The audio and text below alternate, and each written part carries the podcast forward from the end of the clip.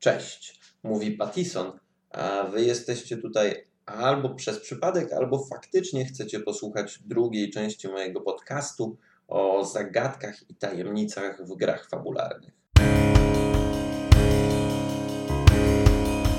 Na początek chcę powiedzieć, że mm, na pewno będzie więcej odcinków z gośćmi, gdyż już teraz czuję różnicę, kiedy nie mam mm, odbicia dla swoich wypowiedzi w postaci rozmówcy, takiego jak Skała, który był tu ze mną tydzień temu i którego serdecznie pozdrawiam. Więc tak jak mówię, możecie się spodziewać tego, że będę zapraszał jeszcze innych gości związanych z grami fabularnymi i rozmawiał z nimi na konkretne tematy. Przechodząc natomiast do dzisiejszego tematu, zacznę od tego, że moim zdaniem tajemnice czy ogólnie intrygę w grze fabularnej, zwłaszcza o takim charakterze kryminalnym czy spiskowym, powinniśmy widzieć trochę jak pajęczynę. Z pajęczynami jest tak, że okej, okay, często tworzą je pająki, ale skupmy się na mm, samej pajęczynie.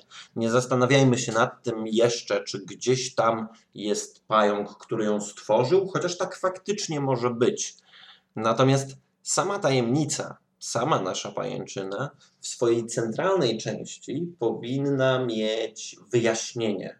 I to właśnie wyjaśnienie jest tym, co najczęściej nasi bohaterowie, nasi gracze wcielający się w bohaterów będących śledczymi, czy też będących jakimiś badaczami, odkrywcami tajemnic i sekretów, e, starają się e, posiąść. Oni dążą do wyjaśnienia tajemnicy, do rozwikłania sekretów, które przed nimi postawiliśmy. Więc centrum tej pajęczyny to jest to, co będzie interesować ich najbardziej. Ale trzymając się tej pajęczej metafory, jeśli popatrzymy dookoła tego, co znajduje się w środku pajęczyny, mamy kolejne okręgi, kolejne sieci, a do nich poprzyczepiane muchy. No i właśnie muchy są tym, co powinno nas bardzo interesować, kiedy myślimy o tajemnicy i o tym, jak w ogóle tajemnicę w sposób wiarygodny, osadzony społecznie e, zbudować, kiedy wymyślamy, kiedy tworzymy jakąś fabułę. Z muchami jest tak, że to jasne, mogą być bohaterowie niezależni. Właściwie część z nich powinna być nawet bohaterami niezależnymi, ale to też wszystkie tropy, fałszywe czy niefałszywe, wszystkie ścieżki, wszystkie rzeczy, na które w toku docierania do wyjaśnienia mogą natrafić bohaterowie. Jeśli przyjrzymy się zwłaszcza konstrukcji tajemnicy w różnego rodzaju tak naprawdę opowieściach fabularnych, może weźmy kilka przykładów książkowych, tak? I porównajmy ze sobą pozornie odległe konwencje, które wcale nie są tak odległe, jeśli przyjrzymy im się bliżej. W kryminale gabinetowym, tak go nazwijmy, tym, w którym nasz Herkules Poirot czy Sherlock Holmes krąży po miejscu zbrodni, a później rozmawia z osobami związanymi ze zbrodnią i stara się wyciągnąć błyskotliwe wnioski, pajęczyna jest pewnego rodzaju konstrukcją oczywistą. Zwróćmy na to uwagę. W środku jest wyjaśnienie, dookoła są te muchy, najczęściej pod postacią różnych obiektów, na które oni trafiają. Czasem, właściwie zawsze, również pod postacią osób, które wiedzą coś albo były w pobliżu miejsca zbrodni, kiedy ona została tam dokonana. I z muchami jest tak, że mogą one służyć zarówno jako pomoc w odnalezieniu drogi do centrum naszej pajęczyny, jak i pewnego rodzaju przeszkoda. Zwłaszcza kiedy są ludźmi, bo ludzie zawsze przy okazji jakiegoś problemu kryminalnego powinni mieć coś do ukrycia, choćby coś bardzo niewinnego. I to jest prawda, która wypływa w historiach Agaty Christie. To jest prawda właśnie Mm, no, związana tak naprawdę z ludzką naturą. Ludzie nie lubią dzielić się rzeczami ze śledczymi i faktycznie Hercules Poirot, ten e, belgijski detektyw, zwykł mawiać w powieściach, których jest bohaterem, że wszyscy, którzy tutaj się zebrali, mają przed nim coś do ukrycia. Nawet jeśli to pozornie nie jest wcale związane ze sprawą.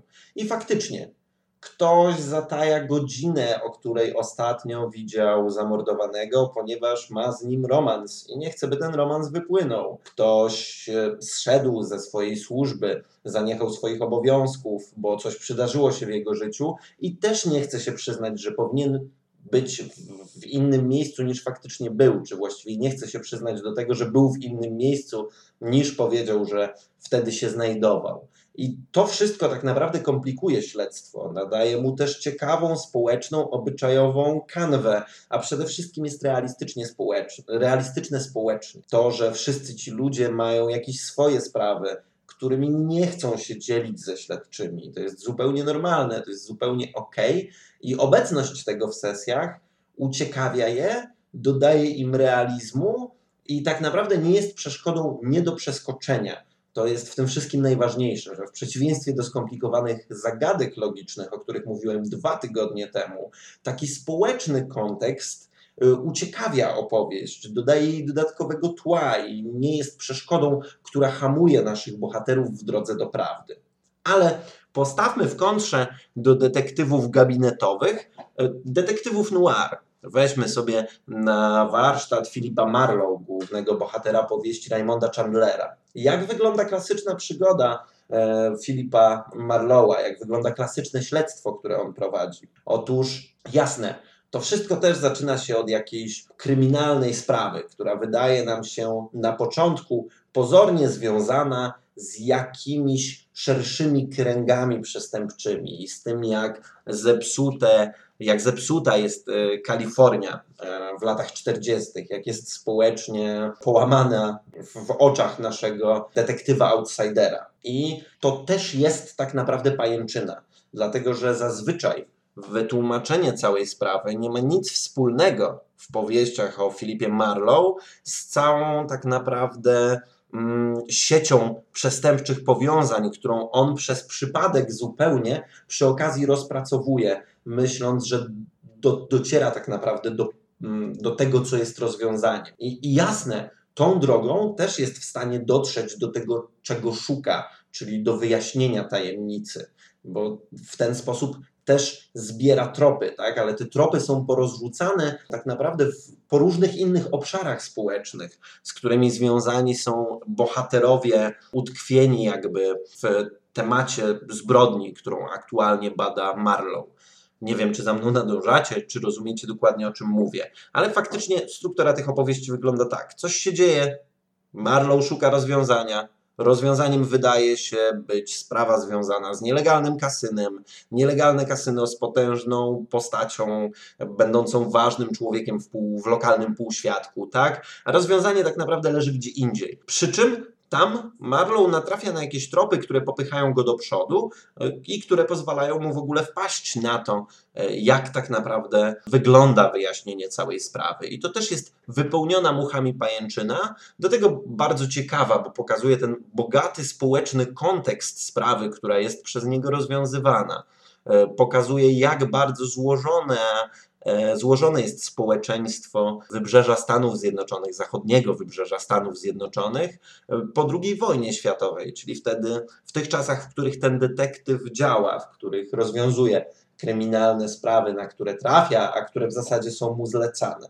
Więc mamy zupełnie dwa różne modele mm, detektywów tego, który może sobie pozwolić na bycie gabinetowym dżentelmenem i tego, który pierze pyski, e, nosi rewolwer, chodzi w długim prochowcu, ale mimo wszystko oni obaj i tak rozwiązują pajęczynę. I to, co powinniśmy aplikować do naszych gier fabularnych w momencie, kiedy staramy się poprowadzić przygodę związaną z rozwiązywaniem jakiejś tajemnicy, to swego rodzaju pajęczyna. Co interesujące, pajęczynę mogą tak naprawdę współtworzyć z nami gracze. Dlaczego to oni nie mieliby zarzucać niektórych much, które pojawiają się przyklejone tak naprawdę do mm, tej sieci mm, różnych tajemnic i sekretów, przez które oni sami tak naprawdę próbują się przebić. To oni mogą dostarczać nam zahaczków związanych ze swoimi bohaterami, które mm, napędzą ich dodatkową motywacją. Pajęczyna ma tą zaletę, że w przeciwieństwie do misternie mm, ułożonej wcześniej zagadki, pajęczynę też jesteśmy w stanie improwizować. Do pajęczyny jesteśmy w stanie dorzucić nieskończenie wiele much, które będą sprawę albo bardzo komplikować, albo będą podrzucać różne mniejsze i większe tropy e, naprowadzające naszych bohaterów na to właściwe, czy wydające im się właściwym rozwiązanie. Więc w momencie, kiedy myślimy o tej tajemnicy czy sekrecie, jak o tej pajęczynie, to jesteśmy w stanie dużo bardziej współtworzyć grę, niż jeśli wcześniej przygotujemy e, skończony zestaw tropów, nie myśląc o tym e, jak o bardzo złożonej sieci, w którą wciąż są w stanie wpadać nowe muchy, podsuwające naszym bohaterom e, kolejne rozwiązania i kolejne ścieżki, którymi powinni pójść rozwiązując sekret czy rozplątując intrygę, która została przed nimi postawiona. E, co jest w tym wszystkim istotne, to to, że postać pająka, jak mówiłem wcześniej, może, ale nie musi być na tej pajęczynie obecna. To znaczy, jasne, tajemnica, sekret zawsze zaczyna się od jakiegoś człowieka, któremu bardzo zależy na tym, by no, rozwiązanie nie ujrzało światła dziennego, więc zależy mu na tym, by mm, nasi bohaterowie, śledczy, którzy go niepokoją, nigdy do tej prawdy nie dotarli. I tu możemy spotkać kilka modeli tych tkaczy, którzy tą tajemnicę tak naprawdę zapoczątkowali. Bo oni wcale nie muszą być bardzo aktywni w tworzeniu tej pajęczyny. Oni wcale nie muszą w aktywny sposób komplikować życia e, naszym bohaterom. Oni nie muszą mataczyć w śledztwie. Oni mogą być bardzo wystraszeni i w tym momencie właśnie uciekać do Meksyku. Oni mogą, jasne, aktywnie przeszkadzać, ale mogą też być nie do końca świadomi tego, że ktoś depcze im po piętach.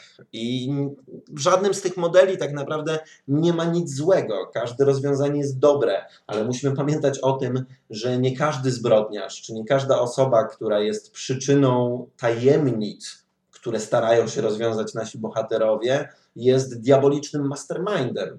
Co więcej, moim zdaniem, archetyp diabolicznego masterminda jest dużo nudniejszym typem przeciwnika niż ten, który zrobił coś złego albo stworzył, dał istnienie jakiejś tajemnicy, wypłynęła z niego jakaś tajemnica z powodów zupełnie prozaicznych i wtedy jesteśmy w stanie też takiego pajączka no, oceniać w różnych kategoriach moralnych. Nie jesteśmy w stanie zupełnie go potępiać, a takie czarne charaktery potrafią być dla naszych bohaterów dużo ciekawszymi postaciami niż te, które w jednoznaczny sposób jesteśmy w stanie określić jako postaci złe. To, co wydaje mi się w tym wszystkim też bardzo ważne, to to, że od śledczych każdy powinien czegoś chcieć. I to jest złota zasada systemu psy w winnicy, do którego też dość często nawiązuję, e, że tam od psów, którzy przybywają do społeczności, każda osoba zaangażowana w główną intrygę chce czegoś. I to jest bardzo ważne, że jeśli faktycznie zarówno ten, którego nasi śledczy ścigają, chcą dopaść, chcą ukarać, i wszyscy pozostali chcą czegoś od nich, to ich rola też komplikuje się, ale nabiera pewnego znaczenia. Bo moim zdaniem nie ma w sesji nic bardziej frustrującego niż banda sfrustrowanych bohaterów niezależnych, którzy nie odnoszą się do naszych postaci nijak. A pamiętajmy o tym, że śledczy w dowolnej konwencji jest osobą, która posiada pewną władzę, reprezentuje sobą pewną moc sprawczą i bohaterowie niezależni, którzy są uwikłani właśnie w właśnie rozwiązywaną intrygę, są niejako od tych osób zależni. Więc to, na czym im powinno zależeć, to to, by te osoby śledcze, by te postaci badaczy, by te postaci odkrywców i detektywów doprowadziły właśnie do takiego rozwiązania, który będzie na nich, dla nich najbardziej satysfakcjonujący. Jeśli to sprowadzi się do prostego chce, żeby uznali, że ktoś inny jest, inny jest winny, albo do prostego chce, żeby schwytali prawdziwego sprawcę. Mimo wszystko są to jakieś interesy istotne dla tych poszczególnych występujących w naszym spisku, w naszej historii, w naszym sekrecie, w naszej tajemnicy jednostek. I oni nie mogą pominąć postaci śledczych, e, dążąc do tego, by ich cele zostały zrealizowane. A dzięki temu cały czas powinni być też narzędziem dodawania kolejnych rzeczy do roboty naszym bohaterom.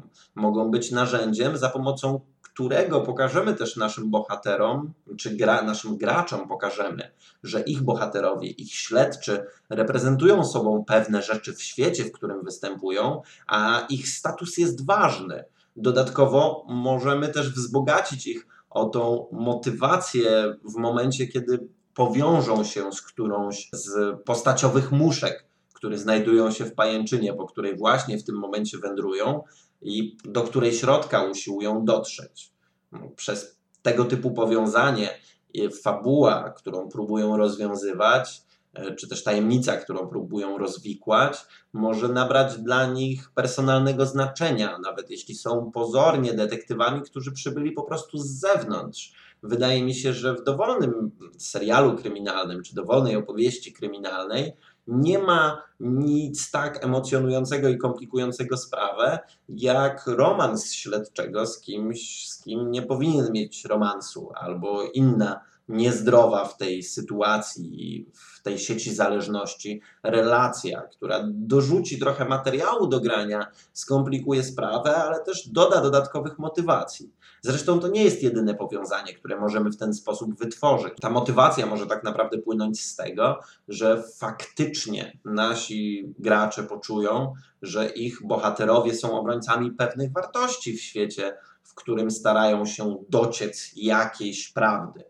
Więc warto jest też grać właśnie tym, że bohaterowie niezależni związani ze sprawą, która tutaj jest rozwikływana, powinni zawsze chcieć czegoś od postaci śledczych.